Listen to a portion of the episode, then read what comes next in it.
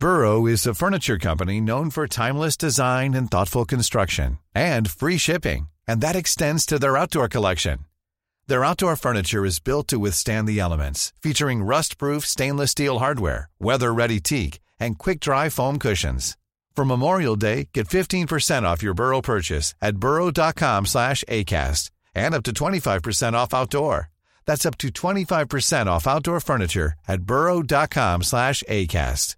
This Mother's Day, celebrate the extraordinary women in your life with a heartfelt gift from Blue Nile. Whether it's for your mom, a mother figure, or yourself as a mom, find that perfect piece to express your love and appreciation. Explore Blue Nile's exquisite pearls and mesmerizing gemstones that she's sure to love. Enjoy fast shipping options like guaranteed free shipping and returns. Make this Mother's Day unforgettable with a piece from Blue Nile. Right now, get up to 50% off at BlueNile.com. That's BlueNile.com.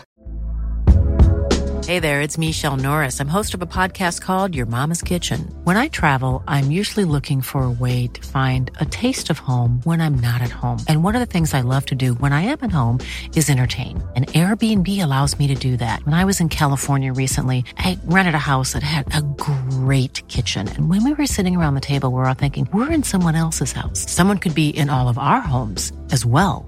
If you have a home, but you're not always at home, you have an Airbnb. Your home might be worth more than you think. Find out how much at airbnb.com/slash host.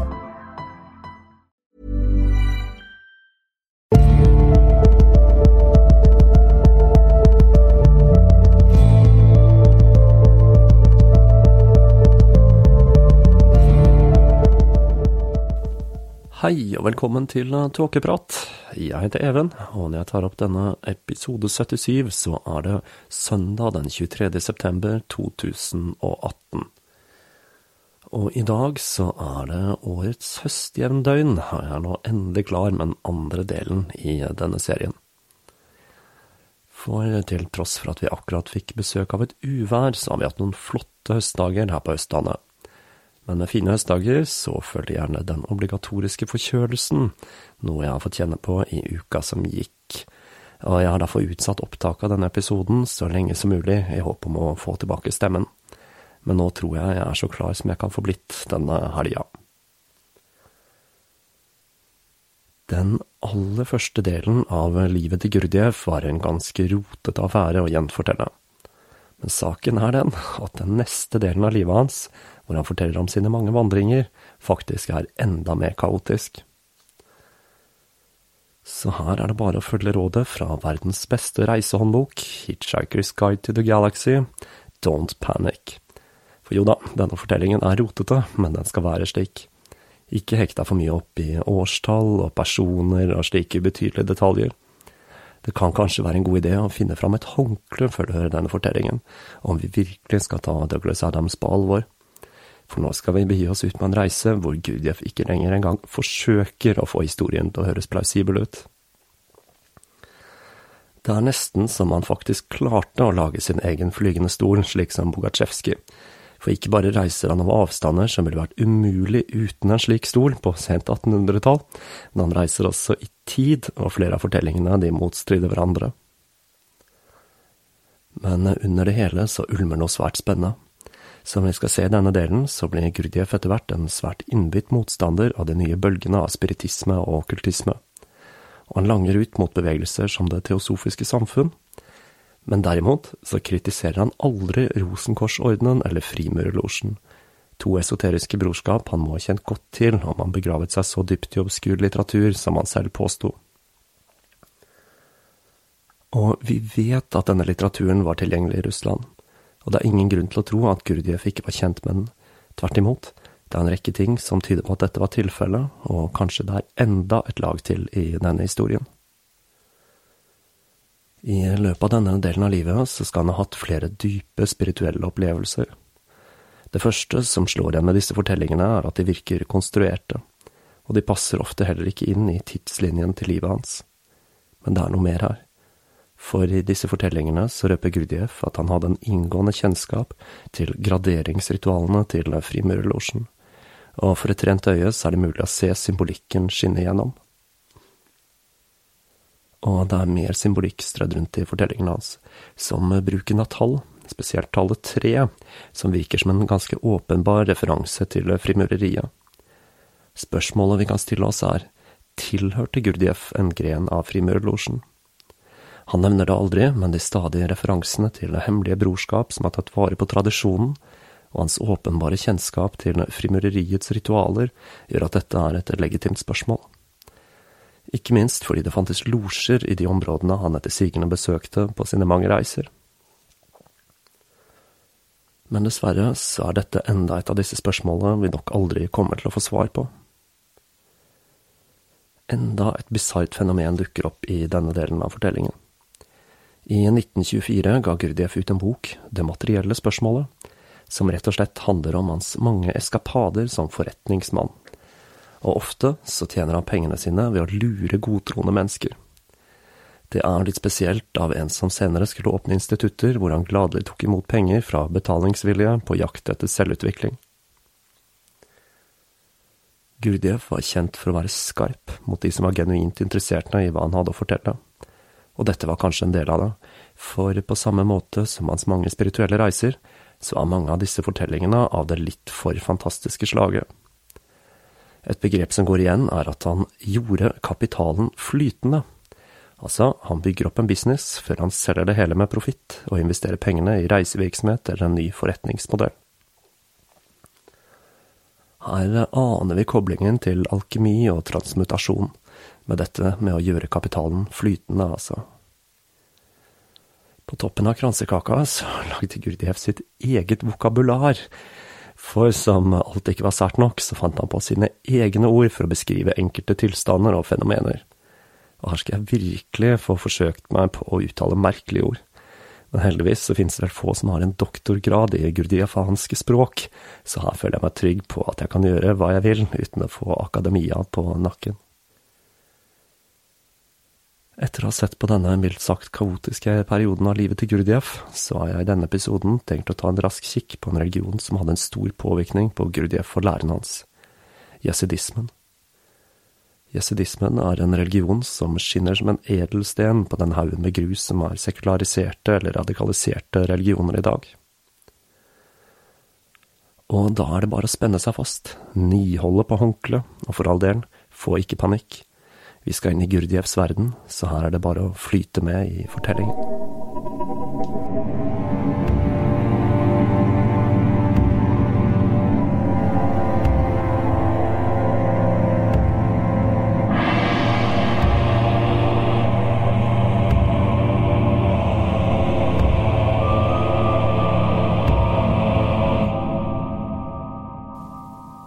Forlot Gurdjev på togstasjonen i Tiflis, og det er der vi plukker opp tråden igjen.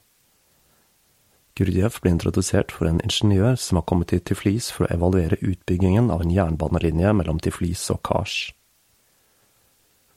Denne jernbanelinjen var i høyeste grad en historisk realitet, og var en viktig strategisk linje for Russland for å kunne forsvare områdene i Kars fra tyrkisk aggresjon, og denne vil også styrke området økonomisk.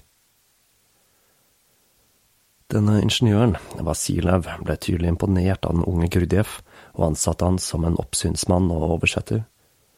For tross alt, Gurdjev kunne en rekke språk, i det minste gresk, armensk og russisk, om enn ikke fullt så mange som de 18 han påsto han kunne på det meste. Russiske myndigheter hadde nemlig åpnet for utenlandsk arbeidskraft, og i tillegg til å kunne mange språk, så hadde Gurdjev inngående lokalkunnskap og kjennskap til regionen. Nå som han var blitt eh, statsansatt, i en alder av hva som har vært 15–16 år, så kunne han skryte av å tjene fire ganger så mye som i jobben som fyrbøter. Og her finner vi det første eksempelet på Gurdjevs pragmatiske tilnærming til forretninger. Siden han kjente traktene godt, og visste hvilke landsby toglinjen var planlagt å gå gjennom, kunne han ta seg godt betalt for å legge inn en anbefaling om at landsbyen var egnet til en togstasjon. Og det var ikke bare Gurdjieff som så sitt snitt til å stikke til seg litt ekstra penger under byggingen av denne jernbanen. Hele konstruksjonen var preget av korrupsjon. Billige byggematerialer og dårlig sikkerhet preget det hele, noe som gikk hardt utover den innleide utenlandske arbeidskraften. Utredningen av linjen tok tre måneder, og med lommene fulle av penger bega Gurdjieff seg ut på nye eventyr. Året skal ha vært 1894. Denne gangen så dro han av gårde sammen med kompisen Pogossian, som vi husker fra forrige episode, han som også var kjent som Mr. X, eller Kaptein Pogossian. Og de to gutta satte kursen mot den armenske ruinbyen Ani. Ani hadde en gang vært hovedstaden i Armenia, og 1894 var et spesielt tungt år for armenerne. Den russisk-tyrkiske krigen hadde formelt blitt avsluttet i 1878, og den armenske staten hadde blitt oppløst som en følge av dette, noe som førte til at det bodde mange statsløse armenere på russisk og tyrkisk side, og Ani hadde fått gjennomgå. Ikke bare på grunn av krig, men byen hadde også blitt herjet av jordskjelv. Historien til Ani er svært spennende, og for de som er interessert i å fordype seg i historien og utgravningene som foregår i denne byen, som er på Unescos verdensarvliste, så arrangeres det et foredrag på Kulturhistorisk museum i oktober. Tyrkerne hadde undertegnet en traktat i Berlin i 1878, der sultan Abdulhamid 2. sverget å forsvare armenerne. Men dette løftet ble ikke overholdt noe som førte til at det dannet seg en armensk undergrunn av motstandsbevegelse.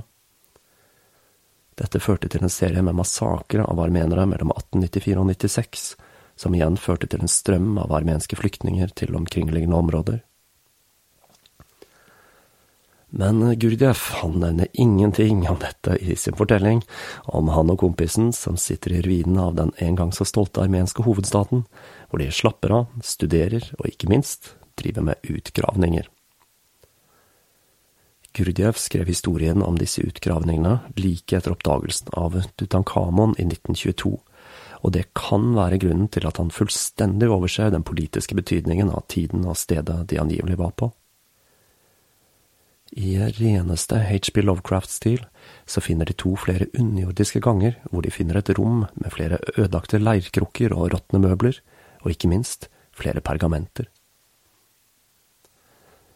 Disse skulle ha vært skrevet på en gammel form for armensk, og ved hjelp av lingvister i Alexandropol så skulle det vise seg at det de hadde funnet, var en gammel korrespondanse mellom fader Arem og fader Televant, som skriver at han hadde oppdaget hemmeligheten til det mystiske Sarmung-brorskapet. Dette brorskapet skulle ha bestått av asyrere som hadde emigrert til en plass tre dagers reise fra Mosul, og Gurdjieff kan også fortelle oss at asyrere i dag er nestoriske kristne, og ikke minst jesidier. Men hele dette søket etter brorskapet ble plutselig avbrutt da Gurdjieff ble overtalt av Pogossian til å bli med en nasjonalistisk armensk gruppe på et spesialoppdrag til Mus. I august 1894 så massakrerte faktisk tyrkiske tropper armenske frihetskjempere i Mus. Men om dette er noe som inspirerte Gurdjev senere, eller om han faktisk var involvert, det er ikke så lett å si. Uansett, han forteller at de to dro østover, og til Arratfjellet, hvor Noah tidligere hadde havarert med arken sin, videre derfra til vann nord for Mosul, før historien sklir ut, og både brorskapet og den armenske motstandsbevegelsen blir helt glemt. Gurdjieff forteller at eh, to måneder etter de krysser elva Araks, kommer de til passet Sett, som leder mot Syria. I passet kommer de over fossen K, før de setter kursen mot Kurdistan. Plutselig så blir Pogosian bitt av en edderkopp, og derfor så oppsøker de en armensk prest som er en del av motstandsbevegelsen, i byen N, hvor Pogosian ble liggende syk i tre dager før han står opp. Mens de er hos denne presten, så viser han Gurdjev et kart av Egypt fra før det ble ørken der. Dette var en idé som fascinerte Gurdjev, at det under sanden kunne skjule seg et glemt rike, en tapt sivilisasjon med glemte hemmeligheter, og han klarer ikke å styre seg og stjele kartet fra presten. Etter dette så blir historien enda mer rørete. De to de drar for å finne det glemte egyptiske riket, og de tar et britisk krigsskip til Alexandria, hvor Pogosian blir bestekompis med de engelske soldatene og bestemmer seg for å dra til England for å studere for å bli en marineingeniør. Ok, så hvor ble av Sarmung-brorskapet? Gutta var altså eh, på vei en stund, men plutselig så ble alt kryptisk, som om nærheten til brorskapet skapte bølger i tid og rom og sendte de to på ville veier. Det er et hint i denne fortellingen. Brorskapets skole skulle ligge tre dagers gange nord for Mosul, mellom Urmia i Persia og Kurdistan. Og 50 km nordøst for Mosul ligger regionen Sheikhan, og i Sheikhan så ligger Lalish.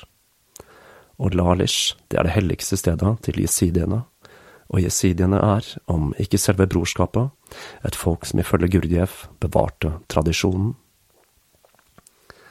Og de kjære lyttere skal vi se litt nærmere på i slutten av denne episoden, men nå skal vi videre i Gurdjieffs malstrøm av merkelige fortellinger. Etter Pogosian har emigrert til England for å starte på utdannelsen sin, så bestemmer Gurdjieff seg for å bruke en periode på å meditere. Han får da tilgang til et islamsk kloster via en barberer han møter i Sentral-Asia. Etter å ha jordet seg selv med meditasjon, så gjorde han kapitalen sin flytende, for å kunne bruke disse midlene på reising og sitt søken etter tradisjonen. Nå var han på sporet av en gammel vitenskap, Mekenes, som skulle vært høyt utviklet i Asia i tidligere tider. Denne Mekenes hadde sammenheng med det å fjerne ansvar, og ifølge Gurdjieff så inneholdt kunstene til den moderne hypnotisøren kun en brøkdel av hva denne mekebessen dreide seg om.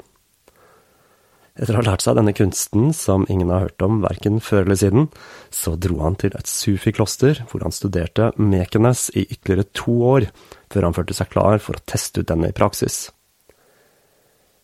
Han skulle ha sverget det ned på kun å bruke denne evnen til å hjelpe trengende i en periode på fem år. Og det er nå angivelig Gurdjieff lærer seg å kurere ting som alkoholisme med hypnose. Mekenes var altså en slags superhypnose.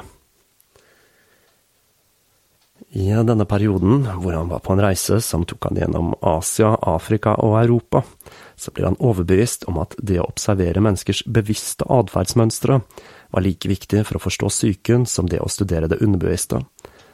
Og med det så begynner han et eksperiment. Han utgir seg for å være en professorinstruktør, en tittel som tydelig var dryppende med ironi fra Gurdjieffs side og han begynner å oppsøke det han omtaler som personer som lider av en utbredt og spesifikk psykose, nemlig spiritister, teosofer og okkultister. Han bestemmer seg for å bli en del av disse ulike bevegelsene, og utga seg for å være et medium som kunne kommunisere med de døde. Han kunne fortelle at han raskt ble ansett for å være en ekspert, han kalte spiritistseanser som workshops designet for å perfeksjonere psykopati. For eh, Gurdjieff var de han lurte prøvekaniner, som gjorde at han kunne studere den psykologiske tilstanden til disse personene. Han skulle ha lagt mye penger i å etablere seg som et anerkjent medium i tre forskjellige byer. Denne studien av menneskesinnet skulle etter hvert gjøre at han følte seg klar for å starte sitt første institutt, hvor han skulle bruke sine nylærte kunnskaper om eh, menneskets bevisste og ubevisste stadier. Han bestemte seg for at Russland og Moskva var den mest egnede plassen, da det var så fredelig der. Dette var altså 1912, to år før utbruddet av første verdenskrig, så du kan jo si at han bommet litt grann der. Igjen så gjorde han all kapitalen sin flytende, og satte kursen mot Moskva. Men vi er ikke helt ferdig med Gurdjevs reiser enda, for det er flere tråder å nøste opp i før vi kan ta fatt på den delen av historien som er litt enklere å verifisere. I perioden før 1912 så møter han blant annet Gurdjev igjen på Bogatsjevskij, og etter først å ha støtt på han i Iver-klosteret i Samara i Russland, så hører han et rykte om at Bogatsjevskij er dratt til tempelet i Jerusalem. Altså Salomons tempel som ble ødelagt i år 70 etter Kristus, og hvor han skulle ha møtt en rosenkransselger som var en esseersk munk som initierte han inn i brorskapet hvorpå Bogatsjevskij senere ble abbed i klosteret til esseerne. Gurdjieff understreker at esseerne var de første og originale kristne, og dermed bevarere av tradisjonen. Men her heiser vi også tydeligvis i tid, for esseerne var en jødisk gruppe som forsvant omtrent på samme tid som tempelet i Jerusalem.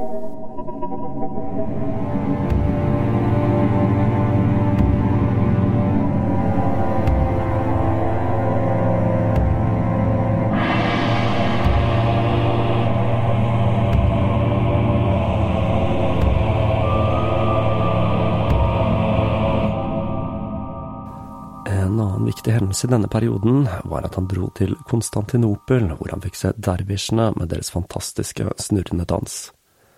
Og han skulle ha oppsøkt flere klostre for å lære seg hemmeligheten bak denne suggesserende og vakre dansen.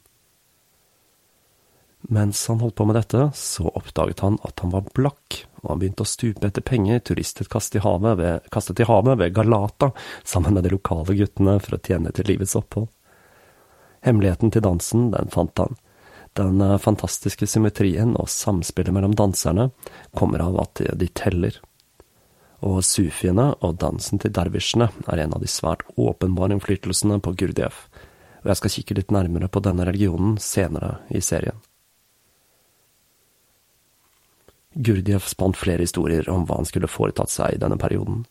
I Konstantinopel skulle han visstnok ha møtt en Ekim Bey, en ny følgesvenn, som noen år senere skulle bli med Gurdjev til Aserbajdsjan, hvor han kanskje, eller kanskje ikke, var involvert i konstruksjonen av en jernbanelinje som skulle frakte ut olje fra de oljerike områdene i Baku. Og Ekim Bey skulle sammen med Pogosjan, Jelov og Karpenko bli med Gurdjev på hans neste eventyr, sammen med en større gruppe ledet av prins Jurij Lubovetsjkij. Om du blir litt forvirret av at personer som har forsvunnet ut av fortellingen tidligere, plutselig dukker opp igjen, så fortvil ikke, slik er faktisk fortellingen. Og prins Jurij Lubovetsjkij, han har aldri eksistert. Uansett, nå er vi plutselig i 1895 eller 96, og Gurdjieff og følget legger ut på en ekspedisjon til Persia. Først så drar de til Tabriz, hvor de støter på en sufi som forteller Gurdjieff at hata-yoga og gymnastikk, to aktiviteter som ble anbefalt av teosofene, er usunne. Han forteller blant annet at pranayama, yogiske pusteteknikker, er farlige, da man ikke må forstyrre den naturlige rytmen til kroppen. For de av dere som ikke er kjent med yogiske begreper, så er hata-yoga det man som regel tenker på når man sier yoga i dag. Altså den fysiske praksisen man finner i eksempel ashtanga-yoga. Selve begrepet yoga omfatter utrolig mye mer, men det får vi se på senere. Akkurat nå så har vi nok med Gurdjieff. Han fortsetter å fortelle at denne gruppen han reiser med, praktiserer hypnotiske eksperimenter og spiritisme noe som gjør at de blir sett på som trollmenn og svært høyt respektert. Og så blir alt et virvar. For de reiser fra Kina til Tajikistan og Hindukush, og de tar toget i Margelan, en toglinje som ikke ble åpnet før året etter den angivelige reisen. Så her hopper vi ikke bare i rom, men også i tid. Til slutt så ender de opp i hva som i dag er hovedstaten i Usbekistan, Tashkent, hvor han og Aken Bay reklamerer i avisene og henger opp plakater hvor de presenterer seg selv som den fantastiske Ganes og hans hjelper Salah Khan, og ifølge Gurdjieff så tjener de seg rike på å lure folk med hypnose. Og så, så blir han skutt igjen. Denne gangen på Kreta, ett år før den gresk-tyrkiske krigen som ble startet pga. en konflikt om nasjonaliteten til Kreta den 4. februar 1897. Hvorfor Gurdjieff plutselig var på Kreta, det vites ikke, men han forteller at han likte å oppsøke konfliktområder for å studere menneskers syke. Dette er noe vi skal se flere eksempler på senere. Uansett, i den anspente stemningen på Kreta så ble Gurdjieff truffet av et vådeskudd i beinet, og så, og så blir han fraktet til Jerusalem av en gruppe grekere. Etter å ha blitt fraktet til Jerusalem, så gikk han til fots til Russland, noe som er ganske imponerende etter å ha blitt skutt i beinet. Det skulle riktignok ha tatt fire måneder, men underveis så fikk han en rekke sykdommer som dysenteri og influensa. Etter dette, som må ha vært i 1897 cirka, så reiste han rundt i hva han beskrev som buskas og jungel, hvor han pådro seg enda flere sykdommer, før han til slutt endte opp i Askabad, hovedstaten i Turkmenistan, hvor han tjente seg rik på å selge tepper og antikviteter før han dro videre til Tibet, India og Iran. Jeg håper dere henger med på dette her, altså. Så skulle Gurdjieff møte enda en karakter. Solovjev, som var en fyr som hadde begynt å drikke av skam da han var blitt kastet ut av hæren fordi han hadde hepatitt. Og han hadde blitt involvert i falskmynteri med en mystisk karakter fra Polen. Gurdjev møtte Solovjev på en togstasjon til Kurska-linjen mens han var på jakt etter enda mer arbeid på en jernbane, og Gurdjev bruker sine evner som hypnotisør til å kurere alkoholismen hans. Sammen så dro de to ut på e- et eventyr som endelig skulle ta Gurdjev til det sagnomsuste Sarmung-klosteret. Denne delen av fortellingen er veldig symboltung og bør nok ikke tas bokstavelig, i motsetning til de harde faktaene som Gurdjieff har lagt fram til nå. Det som skjer, er at Gurdjieff blir via en viss Bugga Eddin introdusert for et medlem av Sarmung-brorskapet, som forteller at klosteret ligger et sted i hjertet av Asia. Deretter så finner et hemmelig møtested, et sted i nærheten av Jenny Hisar, som er et ukjent sted, hvor han blir introdusert for fire personer som har sverget å holde beliggenheten til klosteret hemmelig. Han får bind for øynene og blir ført østover på en lang og symboltung reise. De reiser jo altså mot øst, mot Dagri og lyset, som Ostara, som jeg var borti i påskeepisoden. Og til slutt så kommer de til Sermonklosteret, hvor Gurdjieff får seg en overraskelse når de fjerner øyebindet. For der var nemlig ingen andre enn prins Lobovenskij som gratulerte Gurdjieff med å ha funnet fram, og sier dette beviser at du ikke har sovet hele denne tiden før han forteller en lang historie om hvordan livet hans hadde gått i dass etter de to hadde skiltes, men han hadde stablet livet på beina igjen da en vis mann hadde bedt han gjøre kapitalen flytende, noe som hadde ført han til lyset og Sarmung-tempelet. Og så blir ting litt spennende, for det, neste Gurdjieff blir konfrontert med, er en gruppe dansende prestinner som danser i perfekt enhet med musikken som blir spilt. Nå har vi tydeligvis beveget oss vekk fra islam og kristendom, og befinner oss nære den gamle tradisjonen. Gurdjieff blir fascinert av måten de danser som perfekt automatiserte manifestasjoner av menneskeheten, som deus ex machina. Dette skulle bli inspirasjonen og fundamentet til dansen som skulle prege instituttene hans. Og vi blir introdusert for enda et av disse Gurdjieff-begrepene, og nå gjelder det å holde tunga rett i munnen. Hepta para parshinok, eller Den syvdelte skapelsesveien. Selv om denne historien nok er en ren symbolsk historie, så kan jeg ikke la være å bli fascinert av Gurdjevs fortelling om de dansende prestinnene. For meg så vekker dette assosiasjoner til balinesisk legong, som er fantastisk å se på, spesielt fordi både musikk og bevegelse er så fremmed for en som kommer fra Vesten, så det hele virker oversanselig og mystisk. Når de drar fra klosteret, så legger Gurdjieff og Solovjev ut på en ferd gjennom Gobi-ørkenen, og det er nå Gurdjieff skulle ha unngått sandstormen ved å gå på enormt høye stylter. I tillegg til denne tvilsomme historien, så forteller Gurdjieff at eh, ettersom Godbjørken en gang hadde vært havbunn, så fant de masse skjell der som de levde av. Hvordan disse skjellene hadde holdt seg ferske, det sier han ingenting om. Men til tross for stylter og skjell, så ble Solovjev bitt av en kamel, noe som gjorde at Gurdjev så seg nødt til å begrave han i hjertet av ørkenen. Og så skulle han igjen gjøre kapitalen sin flytende og han investerte denne i en fonograf og tok opp et par vokssylindere med lokale sanger.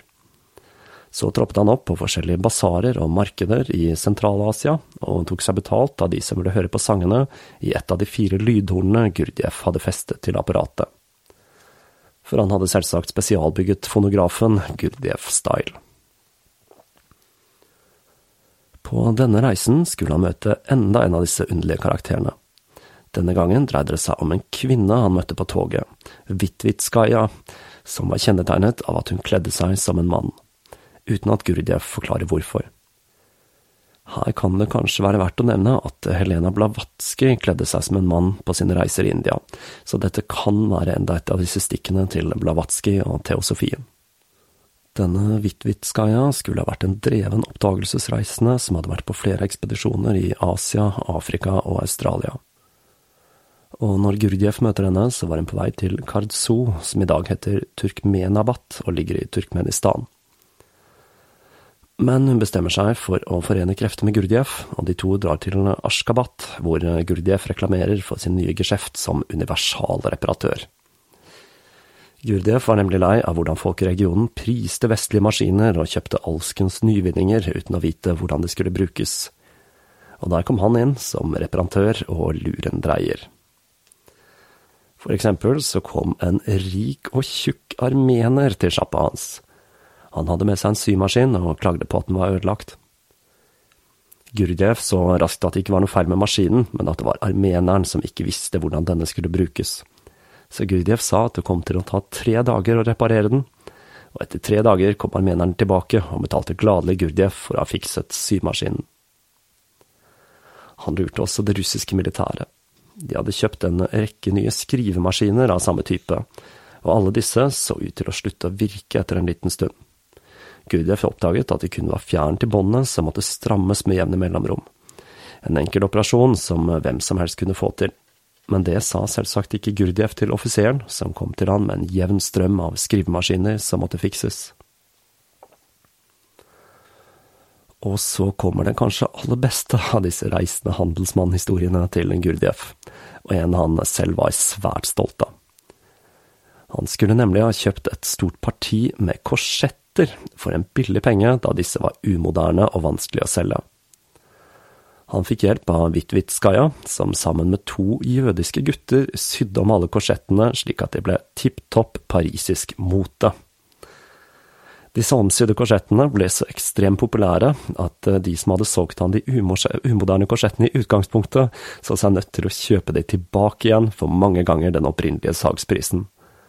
Så populære skulle disse korsettene ha vært at Gurdjieff klarte å selge hele 6000 korsetter i regionen, noe som skulle ha ført til at han tjente seg styrtrik.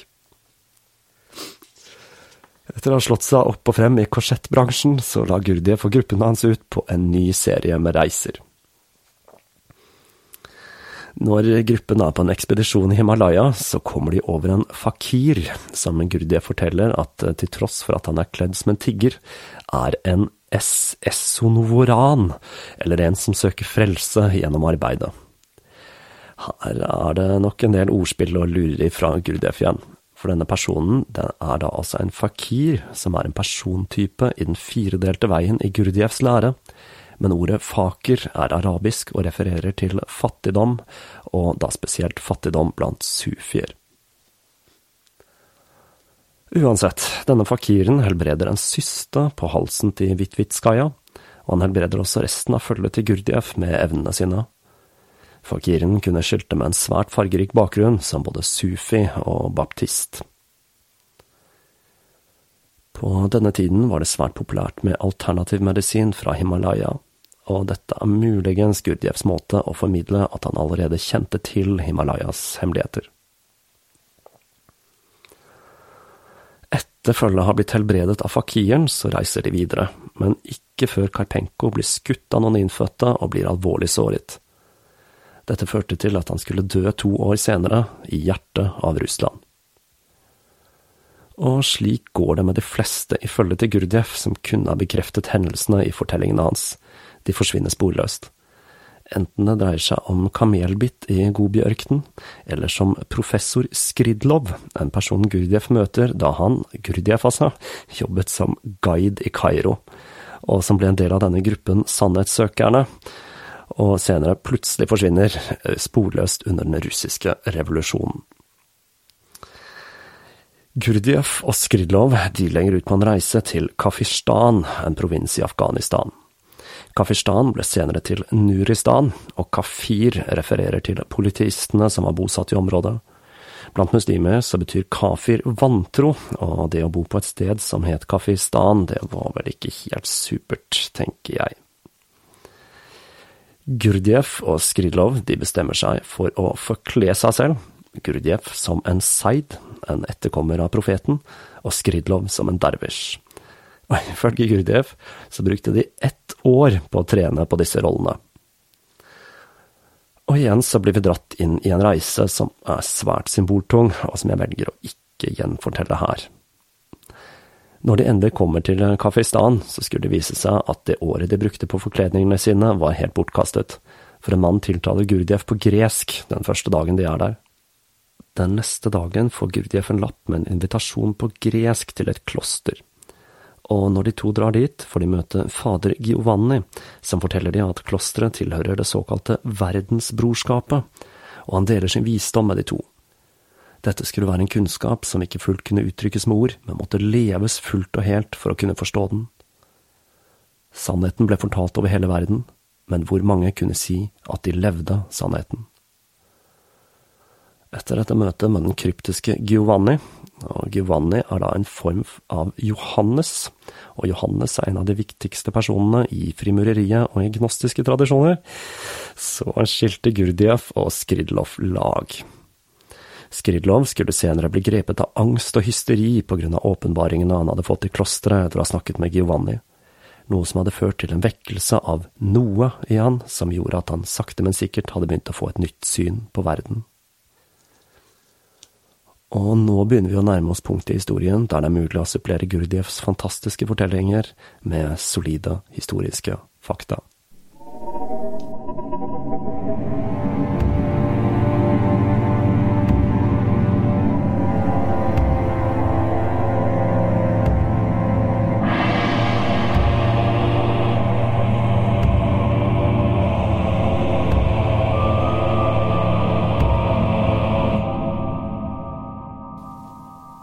Helt til slutt skal jeg se litt på jesidiene og jesidismen. Dette folket har vært utsatt for forfølgelse så langt tilbake i tid vi kjenner til historiske kilder om det, og det er ikke så mange igjen. Vi finner jesidiene i Sjeikan og Jebel Sinjar utenfor Mosul, sørøst i Tyrkia og i georgiske Armenia. På grunn av folkemord så har flere av de flyktet til Europa. I de senere år har jesidiene blitt utsatt for grusomme massakrer av IS, og flere tusen jesidi-kvinner har blitt solgt til sexslaveri av gruppen. Så utbredt har dette vært at selv om kvinner som har sex med menn som ikke er jesidier, tradisjonelt har blitt utstøtt, så har de opphevet denne tradisjonen og ønsker kvinner som har vært utsatt for dette, velkommen tilbake til kulturen. Dette er en etnisk religion, og de er veldig sterkt bundet til sin identitet. Selv forteller de at deres religion er verdens eldste, men de er tolerante overfor andre religioner, enten det dreier seg om islam, jødedom eller kristendom. For religionshistorikere så oppsto denne religionen fra et sufi-brorskap, Adawi-ordenen, som ble grunnlagt av sjeik Adi ibn Musafir al-Hakkari rundt år 1150.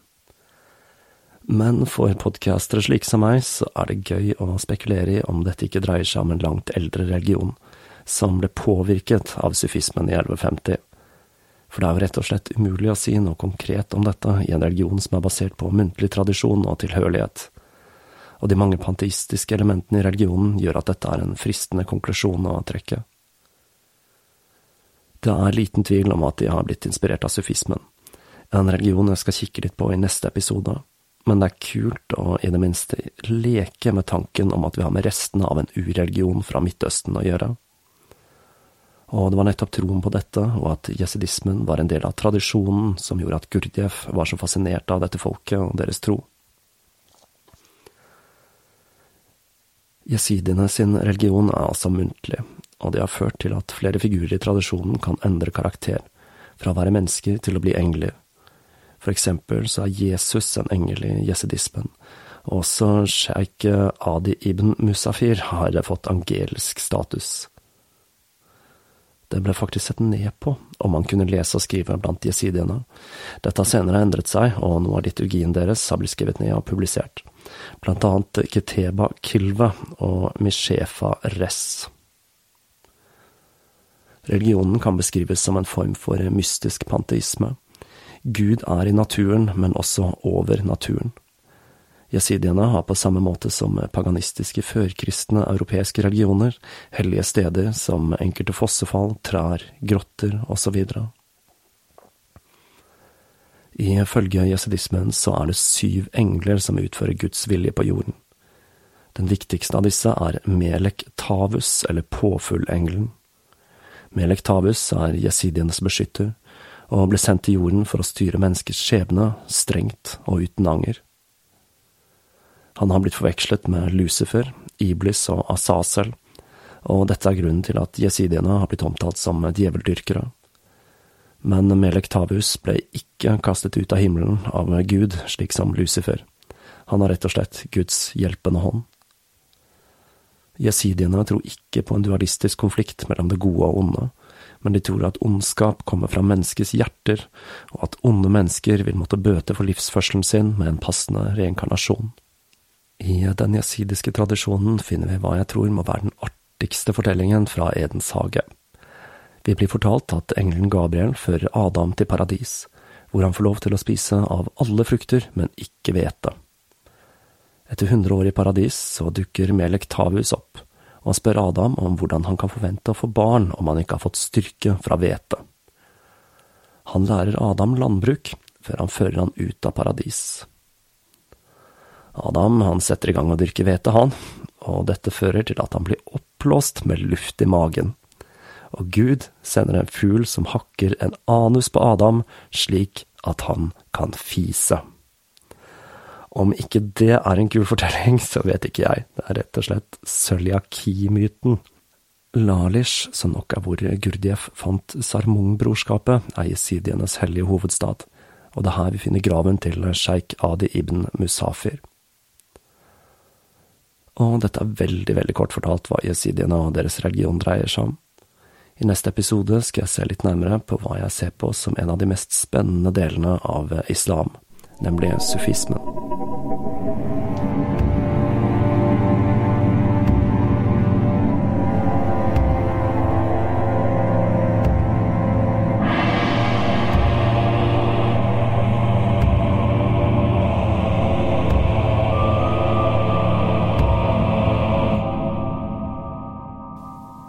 Forlater vi igjen Gurdjieff og hans fantastiske fortellinger.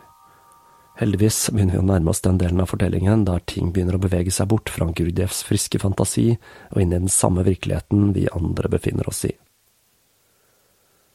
Jeg kan tenke meg at mange av dere nå stiller dere selv spørsmålet om hva i all verdens land og rike som gjør at folk fremdeles følger læren til denne mannen med sine mange litt for fantastiske fortellinger. Som jeg sa i forrige episode, så glimter han til med enkelte svært innsiktsfulle utsagn og som jeg har sagt, så har flere av fortellingene jeg har sett på i denne episoden, mange små hint og referanser til ulike esoteriske tradisjoner. Jeg har valgt å utelate det meste av disse, da jeg er redd at dette ikke er spesielt godt podcast-materiale. Det å sitte og fortelle om alle de ulike referansene til tall og ordspill som er strødd gjennom bøker som bemerkelsesverdige menn, er kanskje ikke spesielt spennende, bortsett fra for spesielt interesserte. Det store spørsmålet er hvor mye av fortellingen som er sann. Er alt Gurdia forteller blank løgn? Magefølelsen min sier nei. Det er nok en kjerne av sannhet her, men som med Hunter S. Thompson så er han pyntet på sannheten for å gjøre det hele mer spektakulært. I tillegg så sitter jeg med følelsen av at denne måten å fortelle livshistorien sin på, er ment å utfordre leseren, og er en del av Gurdjevs idé om å riste mennesket våkent. Jeg vil tippe at Gurdjev faktisk reiste på en slags spirituell søken, og at han oppsøkte både jesidiene i Lalish og sufiene. Og jeg har også på følelsen at han var tilknyttet et eller annet esoterisk brorskap, eller i det minste oppsøkte noen losjer på sine mange reiser. I tillegg så vil jeg tro at det er noe i hans mange fortellinger om hans egenskaper som forretningsmann, og at han var både kynisk og skrupuløs for å kunne tjene mest mulig penger for å realisere sin drøm, og starte sine institutter som skulle forbedre mennesket. Og det er noe vi skal se nærmere på i neste episode. Fram til da så tror jeg rett og slett jeg skal sitte her og øve meg på Mekenes. På gjenhør.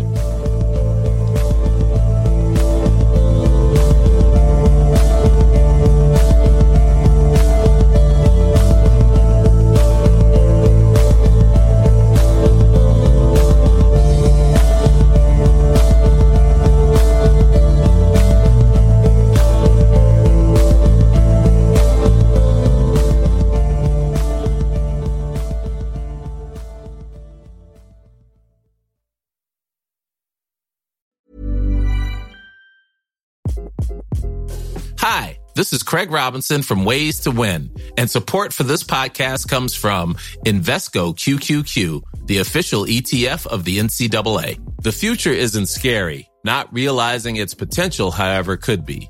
Just like on the recruiting trail, I've seen potential come in many forms as a coach. Learn more at Invesco.com slash QQQ. Let's rethink possibility. Invesco Distributors, Inc. Normally, being a little extra might be a bit much, but not when it comes to healthcare. That's why United Healthcare's Health Protector Guard fixed indemnity insurance plans, underwritten by Golden Rule Insurance Company, supplement your primary plan so you manage out of pocket costs. Learn more at uh1.com.